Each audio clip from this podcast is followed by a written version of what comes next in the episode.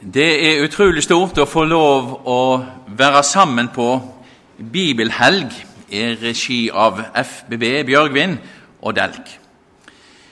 Fordi vi har slikt et tema som er så overveldende rikt.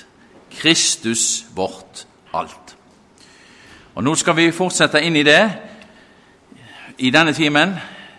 Og nå er det fokus, som eh, Jan nevnte, på Kristus vår forløsning. Og Da gjør jeg det slik som eh, i går. Jeg har eh, noen disposisjoner, eh, eller disposisjon også for denne timen, som bare blir liggende trygt i ro her framme, slik at ikke noen trenger å bli forstyrra av den. Og så legger de ut etter timen bak der for de som har lyst til å ta den med. Der ligger òg en del igjen fra den timen vi hadde i går om, om helliggjørelsen. Da vil vi be sammen. Gode Herre Jesus Kristus, du som er vår visdom fra Gud, du som er vår rettferdighet, vår helliggjørelse og forløsning. Vi priser ditt hellige navn og takker deg for at du er kommet til oss og er blitt gjort til alt dette av Gud for oss, så vi kan rose oss i deg og opphøye ditt navn og glede oss over denne store frelse.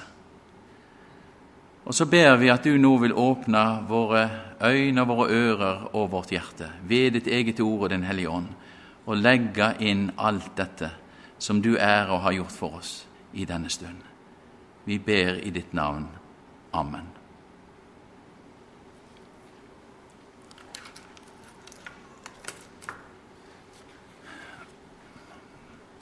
Og Da har jeg lyst til å lese de to versene enda en gang. Vi lar de klinge med her fra time til time, og det er godt om vårt hjerte kunne bli retta på akkurat det vi her hører. Fra 1. Korinterbrev 1, 30 og 31 i Jesu navn. For det er Hans verk at dere er i Kristus Jesus.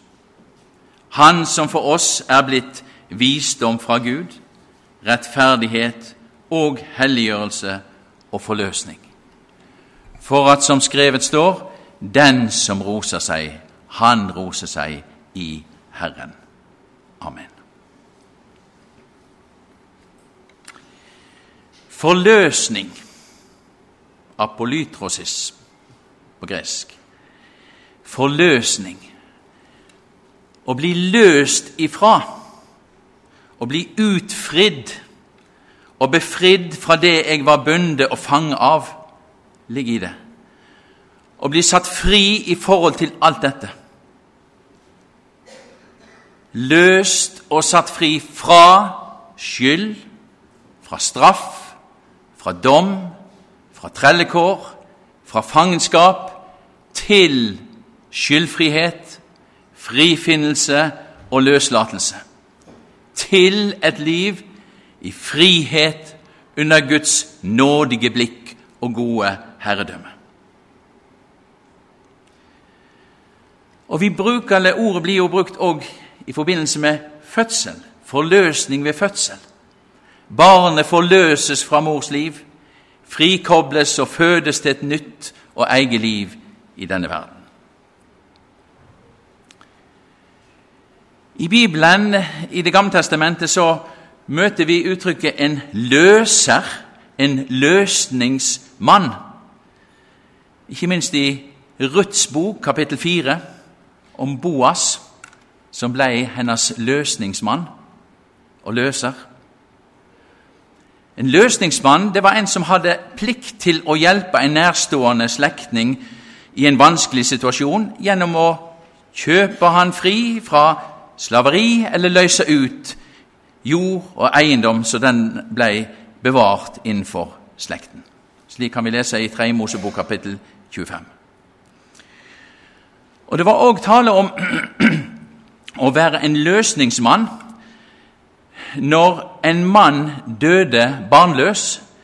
Da var det noen av hans nærmeste slektninger som skulle gå inn i den rollen som løsningsmann, gifte seg med enken, slik at slekten kunne gå videre, at hun kunne, hun kunne bli løst ut ifra sin enkestand, ifra sin barnløshet.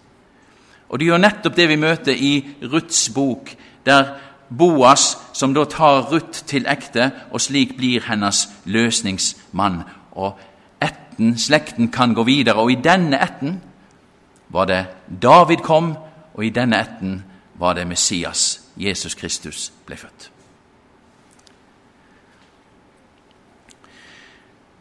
Og vi taler om Herren som en løser. Ja, Herren er Israels forløser fra slaveri og fangenskap, kan vi høre i Jesajas 41. Og alt sammen så peker det fram på Kristus som vår forløser. Og I denne sammenhengen så vi også, hører vi òg om løsepenge. Den summen som måtte betales for å få satt fri en person som ellers var skyldig til døden. Eller en kjøpesum som måtte betales for å kjøpe fri en slave. Og Så møter vi i Det nye testamentet nettopp denne frikjøping fra skyld og trelldom brukt om Jesu soningsdød. Han gir sitt liv som en løsepenge i mange sted, leser vi i Matteus 20.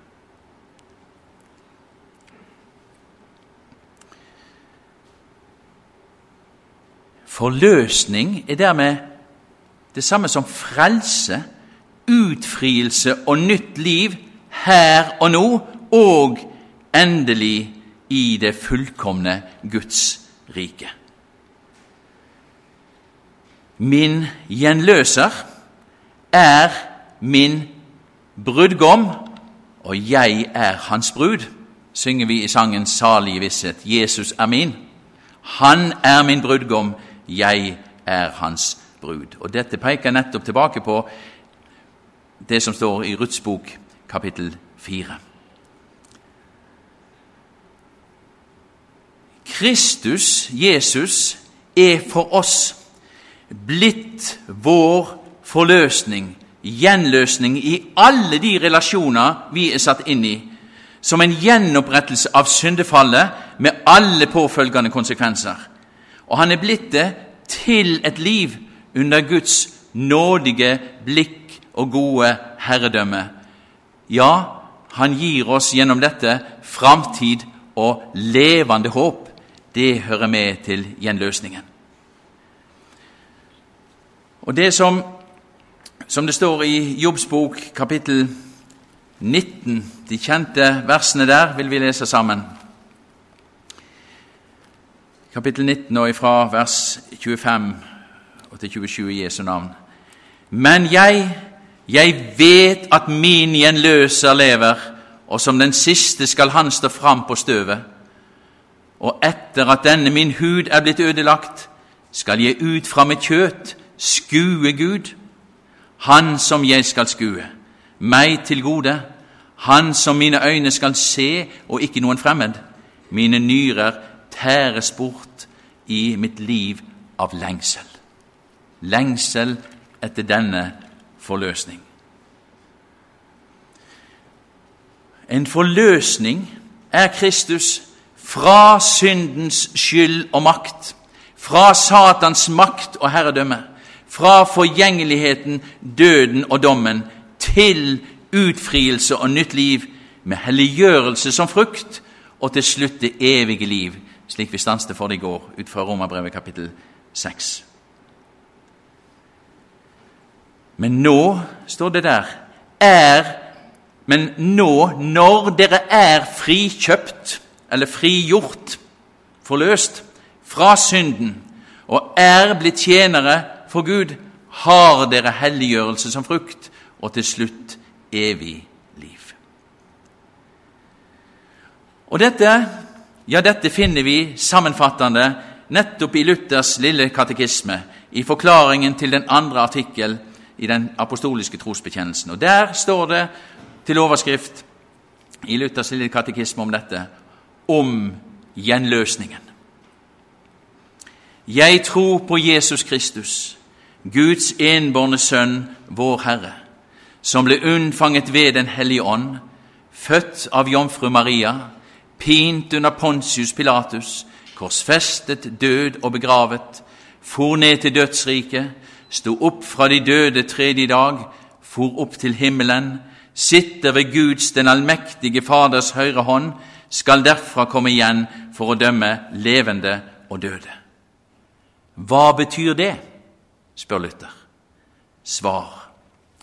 Jeg tror at Jesus Kristus, Han som er sann Gud, født av Faderen fra evighet, og sant menneske, født av Jomfru Maria, er min Herre, som har gjenløst meg fortapte og fordømte menneske, kjøpt meg fri og frelst meg fra alle synder og fra dødens og djevelens makt, ikke med gull eller sølv, men med sitt hellige, dyre blod og sin uskyldige lidelse og død, for at jeg skal være hans egen og leve under ham i hans rike og tjene ham i evig rettferdighet, uskyldighet og salighet.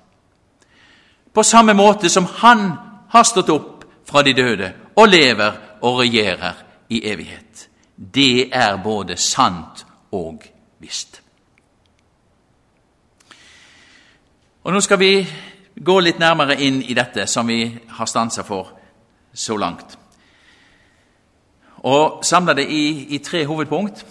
Forløsning fra syndens skyld og makt til et nytt liv i frihet og kjærlighet.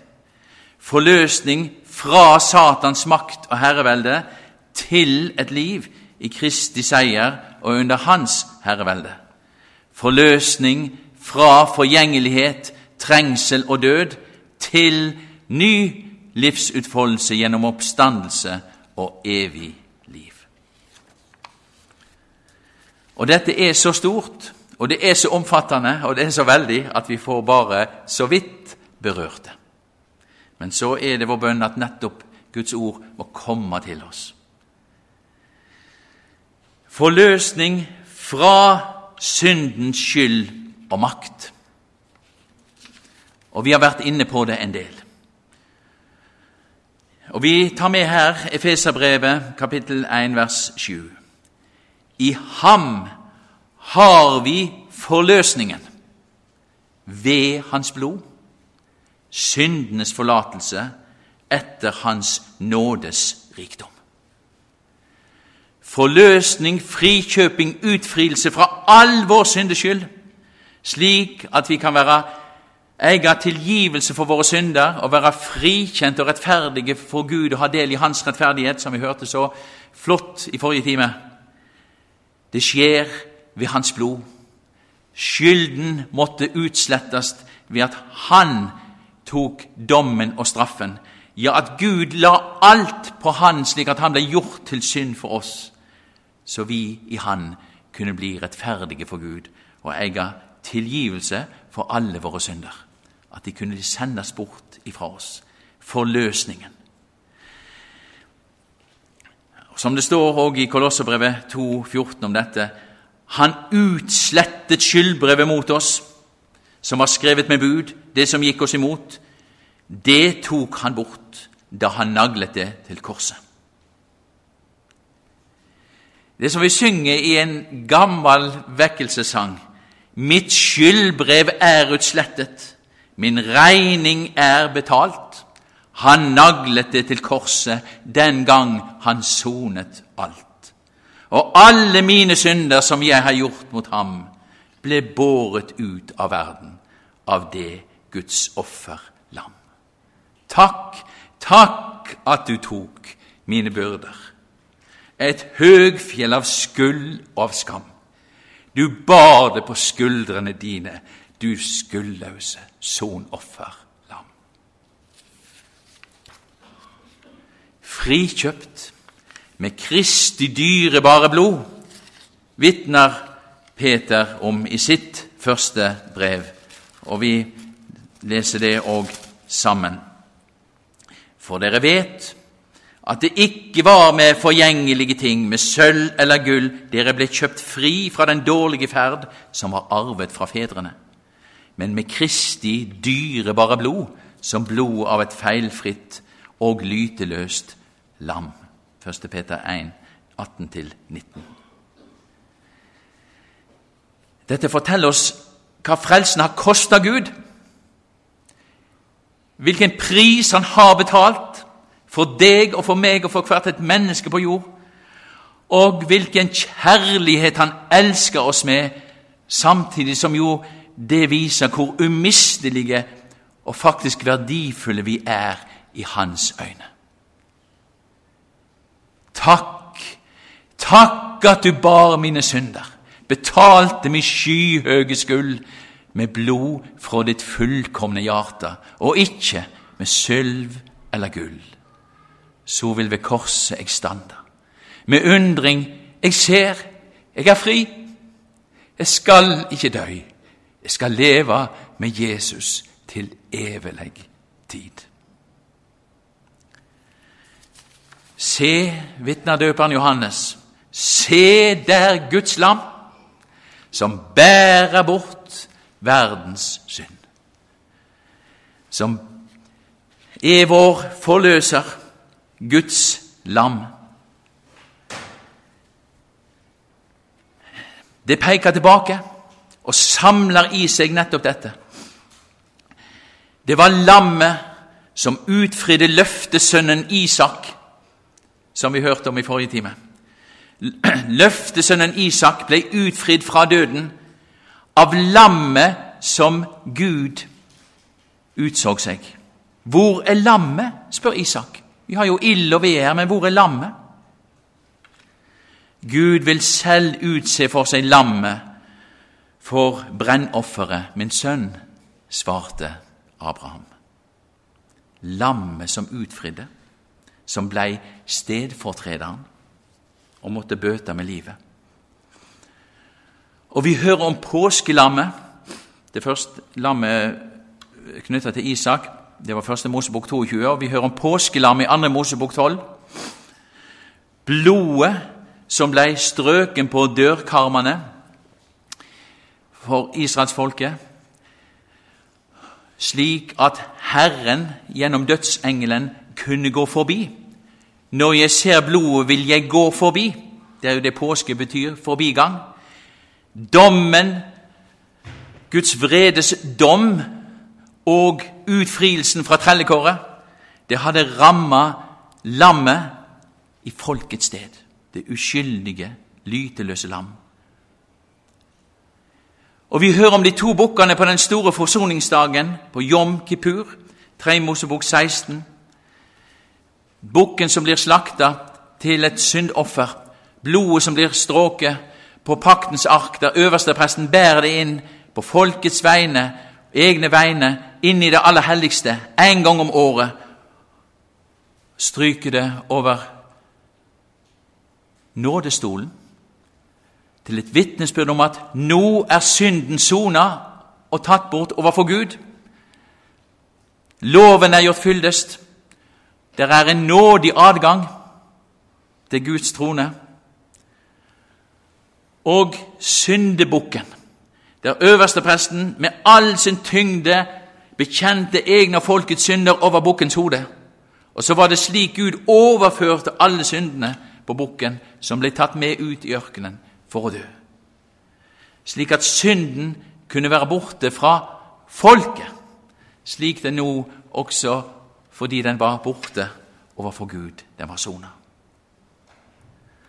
Så peker dette fram mot Herrens lidende tjener, som vi hørte om. I Jesajas 53, kapittel 4, nei, vers 4-6, hører vi om det. Og det vi hører om Han som ble såra for våre overtredelser, knust for våre misgjerninger. Straffen lå på ham for at vi skulle ha fred. Og ved hans sår har vi fått legedom, gjenopprettelse og helhet i forhold til alt det som var forbrutt gjennom syndefallet. Og alle etterfølgende synder. Vi for alle vil som får, vi vendte oss hver til sin vei. Men skylden som vi alle hadde, lot Herren ramme ham. Og så er det alt dette som ligger i Guds lam. Det er oppfyllelsen av alt dette. Lammet som utfridde løftesønnen. Påskelam. Bukkene på forsoningsdagen og alle offer seinere. Herrens lidende tjener er jo nettopp han, Guds lam, som bærer bort verdens synd. De blir sona overfor Gud. Han er på vei til lidelse, død og oppstandelse, og det blir tatt bort fra oss. Han, ham som ikke visste av synd, har Gud gjort til synd for oss, for at vi i ham skulle bli rettferdig for Gud. 2. Korinterbrev 5, 21. Vi er frikjent, og vi er satt fri. Og Det betyr også i Kristus at vi er frikjent og satt fri fra syndens makt i vårt liv. Seieren har vi i Kristus, og det er ved å bli værende i Han at denne seieren blir virkeliggjort i våre liv. Ved at vår syndige natur, som er der alltid så hjertelig til stede, med alle sine utslag, ikke blir dominerende, styrende. Det er ikke den som blir virksom. Det er et annet liv. Det er Jesu eget liv, som vi snakket om i går. Vi er frikjent og satt fri nettopp til å tilhøre Herren ved Jesu døde oppstandelse i vårt sted. Det er forløsningen. Vi er kjøpt fri, vi er satt fri. Vi er Hans brud. Han har ekta oss til seg. Han har, blitt, han har løst oss ut. Og Derfor kan han, sier han også i Jesus i Johannes 8, 36, For da Sønnen frigjort dere, da blir dere virkelig fri. Og Det er dette som kommer til uttrykk i Romerbrevet. Vi har allerede vært en del inne på det. Kapittel 6, vers 7. For den som er død, vi er forenet med Kristus i hans død, det er vår død, er rettferdiggjort fra synden, frikjent fra synden og frikjent fra syndens makt. Den har ingen rettighet over oss lenger. Og så i vers 18 og nå, eller, og når dere nå er frikjent fra synden, er dere blitt tjenere for rettferdigheten. Redskap for rettferdigheten. Forløsning fra syndens skyld og makt til et nytt liv i frihet og kjærlighet. Det er en utfrielse det er en befrielse, slik som det står i Salme 146. Herren løser de bundne. Og Det er dette som kommer igjen òg i Jesu programtale i eh, Lukas 4, slik vi kjenner det der. Han, Herren, har sendt meg, sier Jesus i det han leser fra Jesajas. Han har sendt meg for å forkynne for fanger at de skal få frihet, og for blinde at de skal få syn, for å sette undertrykte fri, for å forkynne et nådens år fra Herren. Nådens år, det er jubelåret. Det var det som skulle feires hver 50. år etter de sju sabbatsår. Der fanger skulle bli satt fri, der dødsdømte skulle bli satt fri, der slaver skulle bli satt fri, der gjeld skulle slettes, der eiendom skulle gis tilbake et nådens år fra Herren, det er utfrielsen og befrielsen som vi har del i på alle måter i Jesu Kristi forløsning. Og Det hører vi òg om, og har hørt om i 1. Peters brev kapittel 2, om Jesu døds betydning nettopp for gjenopprettelsen av vårt liv til et helt og helhetlig liv i helliggjørelse. Og for ved Jesu Kristi død og oppstandelse så skal vi få, får vi dø, eller er vi død bort fra syndene våre for at vi skal få leve for rettferdigheten, nettopp i kraft av Hans soningsdød for oss. Det er en gjenopprettelse ved Jesu død på korset til et helt og helhetlig liv. Og slik kan Guds nåde, som det står om i Tetus brev kapittel 2, opptokte og oppdra oss til å fornekte ugudelighet og verdslige lyster og leve rettferdig og gudfryktig i den verden som nå er. Det er nådens kraft i våre liv, mens vi venter på det salige håp. Frigjort fra all urettferdighet til å gjøre gode gjerninger som Gud virker ved sin nåde, som Guds eiendomsfolk. Og Det møter vi òg i Galaterbrevet når det gjelder forholdet til hverandre. Det er snakk om en utfoldelse av livet i friheten som er gitt oss i Jesus Kristus. Når det står i Galaterbrevet 5.13.: For dere ble kalt til frihet, brødre. Bruk bare ikke friheten som et påskudd, som en leilighet for kjøtet, men tjen hverandre i kjærlighet. Vi er satt fri til å kunne tjene hverandre nå på en måte som vi ikke hadde forutsetninger for før. Det er Åndens frukt, som er kjærlighet, glede, fred, som viser omsorg, som tar imot, som gir, som ser, som bringer, som tar imot den andre slik Kristus har tatt imot oss.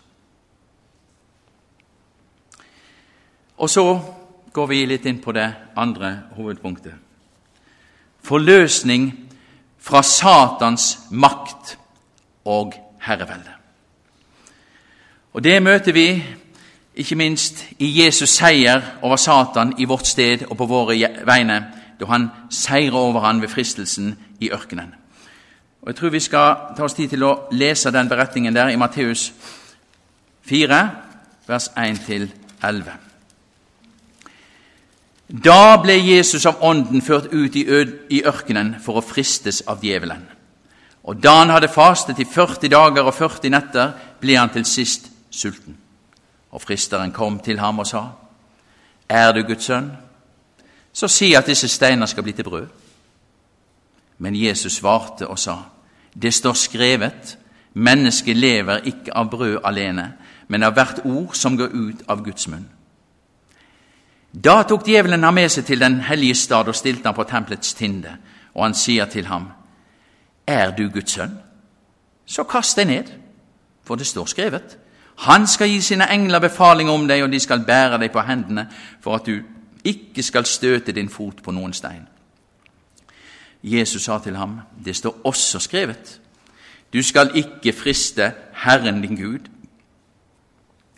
Igjen tok djevelen ham med opp på et meget høyt fjell og viste ham alle verdens riker og deres herlighet. Og han sa til ham, alt dette vil jeg gi deg dersom du vil falle ned og tilbe meg. Da sa Jesus til ham, Bort fra meg, Satan, for det står skrevet, Herren din Gud skal du tilbe, og ham alene skal du tjene. Da forlot djevelen ham, og se, engler kom og tjente ham. Jesu fristelse i ørkenen danner egentlig et reelt motstykke til det som blir fortalt om de første menneskers fristelse Adam og Eva. Og Jesus tar ikke her i bruk sin guddomsmakt. Han er Guds sønn. Men han møter djevelen som, som menneske og gjennomgår derfor en virkelig fristelse i menneskers sted, slik det òg står i Hebrevet 2, vers 18. Fordi han selv er fristet, kan han komme dem til hjelp som blir fristet. Så det er snakk om et grunnleggende oppgjør mellom sjelefienden, Satan, og menneskeheten som foregår her i ørkenen, der Guds sønn kjemper menneskenes kamp. Og Denne kampen den har en stedfortredende og dermed forløsende betydning for oss, og samtidig er den forbilledlig for oss. Og Vi legger jo merke til hvordan fristeren kommer. Han tar sitt utgangspunkt i Guds ord. Han prøver å dra dette i tvil, eller å bruke enkeltord og trekke de ut fra sin sammenheng og sette de inn i en sammenheng som da er i strid med det Guds ord ellers har sagt. Og Jesus avslører Satan og hans falske, falske bruk av Skriften ved hele tiden å holde seg i avhengighet av Gud gjennom Ordet. Å stå fristeren imot Stå ham imot faste i troen, står det i 1. Peters brev 5. Å stå fristeren imot i avhengig av Guds løfter, det tvinger sjelefienden til å vise sitt sanne ansikt og gjør han egentlig maktesløs. Hva går fristelsene da ut på, legger vi merke til? Jo, Satan forsøker hele tiden å avkrefte og gjøre maktesløs Guds ord men later som han er ute etter å ville bekrefte det.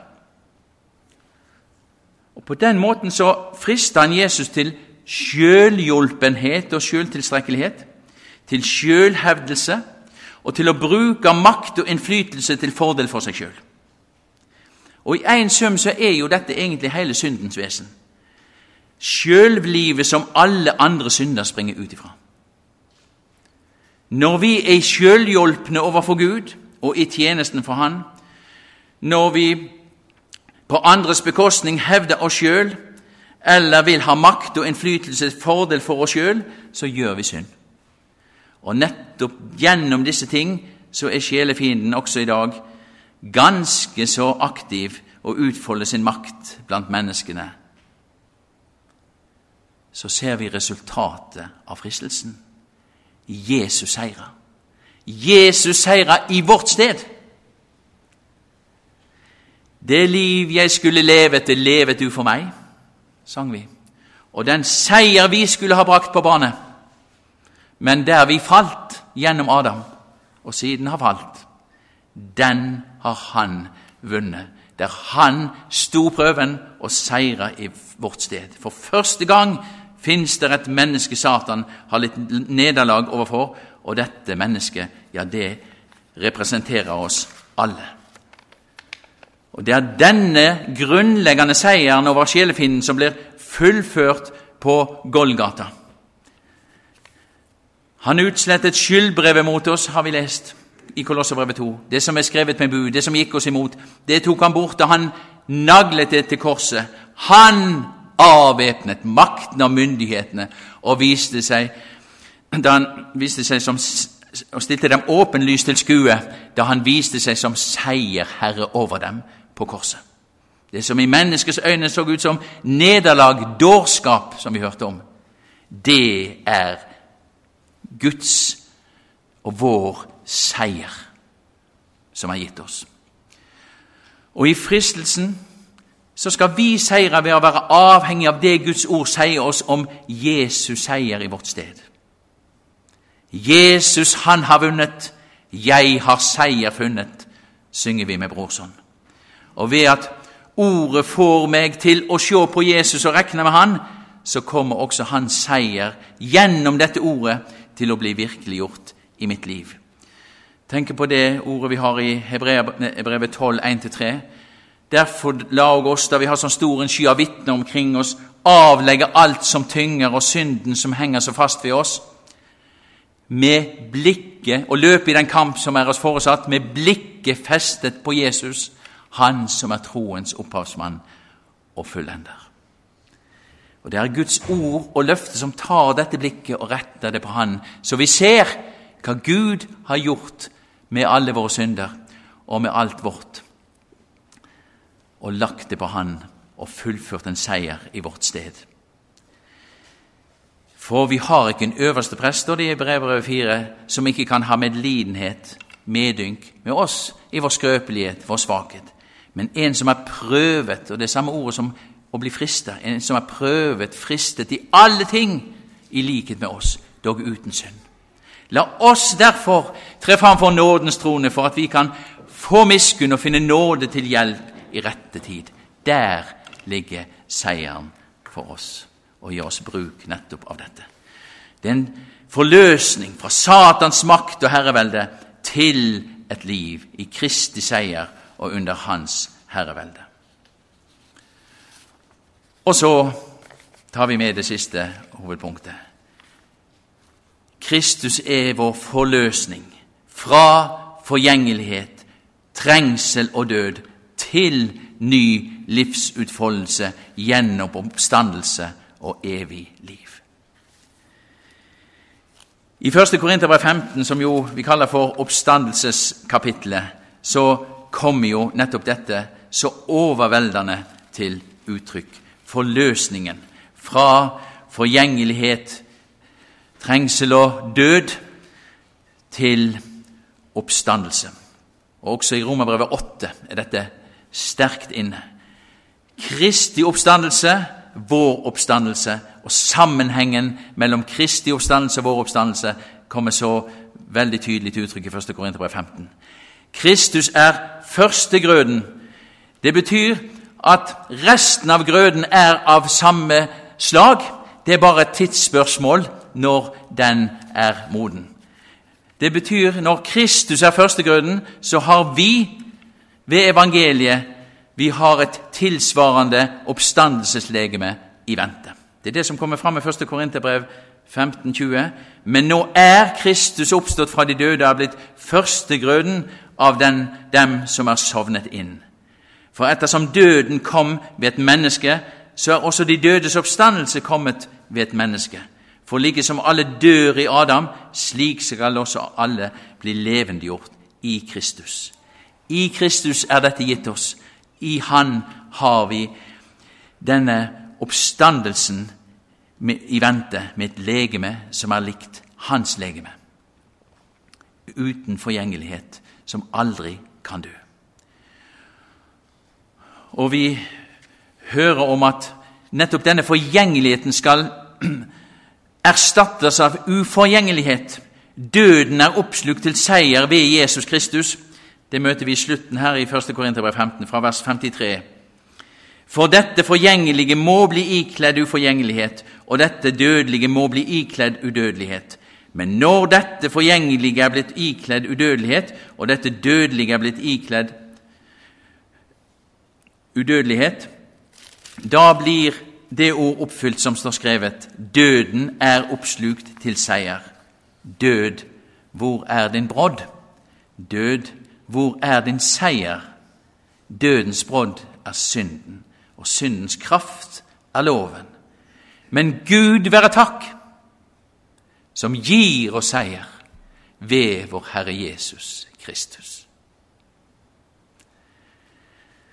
Og Guds ords løfte om oppstandelse og utfrielse fra forgjengelighet og vanskelige livsvilkår gir mot og gir håp i trengsler og gir oss et rett fokus i livet.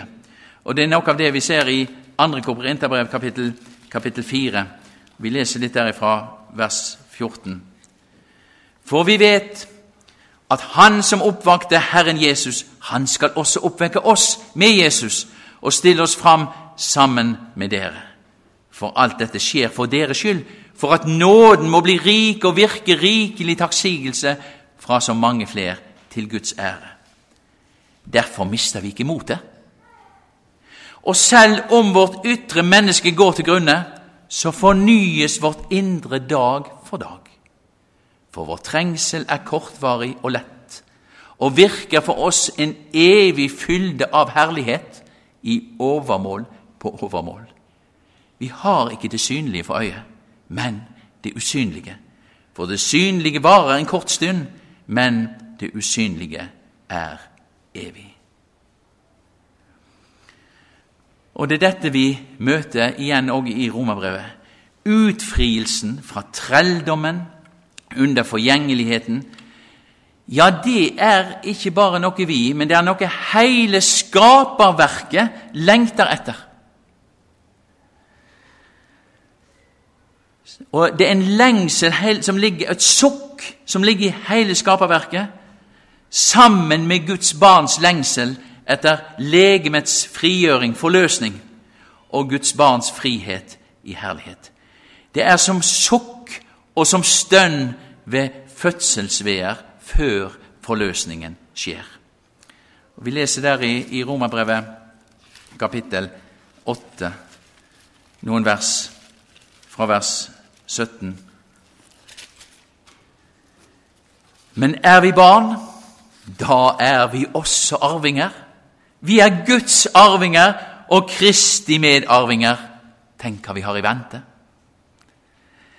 så sant vi lider med ham, for at vi også skal herliggjøres med ham. For jeg er overbevist om at den nåværende tids lidelser ikke er for noe å regne mot den herlighet som skal bli åpenbart på oss. For skapningen venter og lengter etter at Guds barn skal bli åpenbart. Skapningen ble jo lagt under forgjengelighet, ikke frivillig, men etter Hans vilje som la den under forgjengelighet. I håp om at også skapningen skal bli frigjort, forløst, fra trelldommen under forgjengeligheten og nå fram til Guds barns frihet i herligheten. For vi vet at hele skapningen til denne stund sukker sammen og stønner sammen som i veer. Ja, ikke bare det, men også vi som har fått Ånden som førstegrøde, også vi sukker med oss selv mens vi lengter, lengter etter vårt barnekår, vårt legemes forløsning.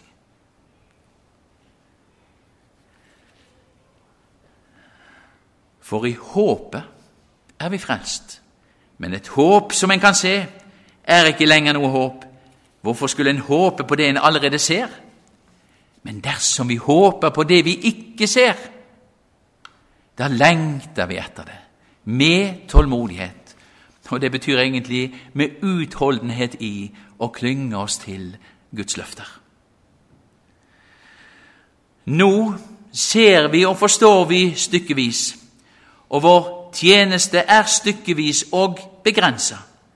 Men når det fullkomne kommer, da skal det som er stykkevis, få ende, står det i 1. Korinterbrev 13. Forløsning fra forgjengelighet, fra trengsel og død til oppstandelse, ja, til en ny livsutfoldelse gjennom oppstandelse og evig. Det taler om en livsutfoldelse som starter her og nå, gjennom helliggjørelse som forløsningens frukt i våre liv, til herliggjørelse i det fullkomne Guds rike. Vi har lest det fra Romerbrevet 6, 22. Oppstandelsens liv starter her med full utfoldelse i Guds herlighetsrike. Det ser vi òg i Romerbrevet 8, vers 11. Men dersom Hans ånd, som reiste Jesus opp fra de døde, bor i dere, så skal Han som reiste Kristus opp fra de døde, også levendegjøre deres dødelige legemer ved sin ånd som bor i dere. Den hellige ånd er nemlig pantet, en forsmak og garanti på vår arv inntil forløsningen skjer, inntil eiendomsfolkets forløsning, som det står i Feserne 1. Forventningen og den endelige utfrielse og frelse, det er, har vi nettopp i dette levende håpet som vi leste om. Og så får da apostelen Johannes sjå. Han får sjå den forløste skare som står der for Guds trone, utfridd av all nød og trengsel. Klærne deres er vaska reine i lammets blod, og derfor kan de stå for Guds trone, for Gud, og tjene ham dag og natt i hans tempel. Og Gud skal reise sin bolig over dem til et liv i salighet, slik det står i Johannes' åpenbaring 7. Og så får vi høre videre nettopp om denne saligheten i Johannes' åpenbaring 21. Og jeg så en ny himmel og en ny jord. For den første himmel og den første jord var veket bort, og havet er ikke mer. Og jeg så den hellige stad, det nye Jerusalem, stige ned ut av himmelen fra Gud, gjort i stand som en brud, som er pyntet for sin brudgom. Fra tronen hørte jeg en høy røst som sa, Se, Guds bolig er hos menneskene. Han skal bo hos dem, og de skal være hans folk. Og Gud selv skal være hos dem og være deres Gud. Han skal tørke bort hver tåre fra deres øyne. Og døden skal ikke være mer. Og ikke sorg. Og ikke skrik. Og ikke pine skal være mer. For de første ting er vekket bort. Og han som satt på tronen, sa, Se, jeg gjør alle ting nye. Og han sier til meg, Skriv, for disse ord er troverdige og sanne.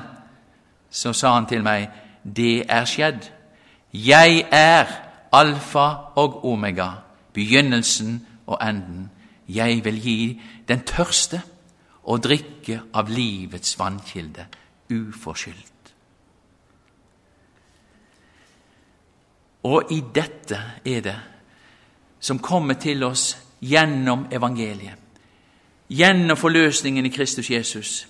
I dette er det vi møter den gleden og den kjærligheten fra Gud som ingen kan ta fra oss. Og det har jeg lyst til å bare lese om til slutt. Fra Romerbrevet, kapittel 8 igjen. Hvem kan skille oss fra Kristi kjærlighet? Trengsel eller angst eller forfølgelse eller sult eller nakenhet eller fare eller sverd, som skrevet står, for din skyld drepes vi hele dagen, vi blir regnet som slaktefår.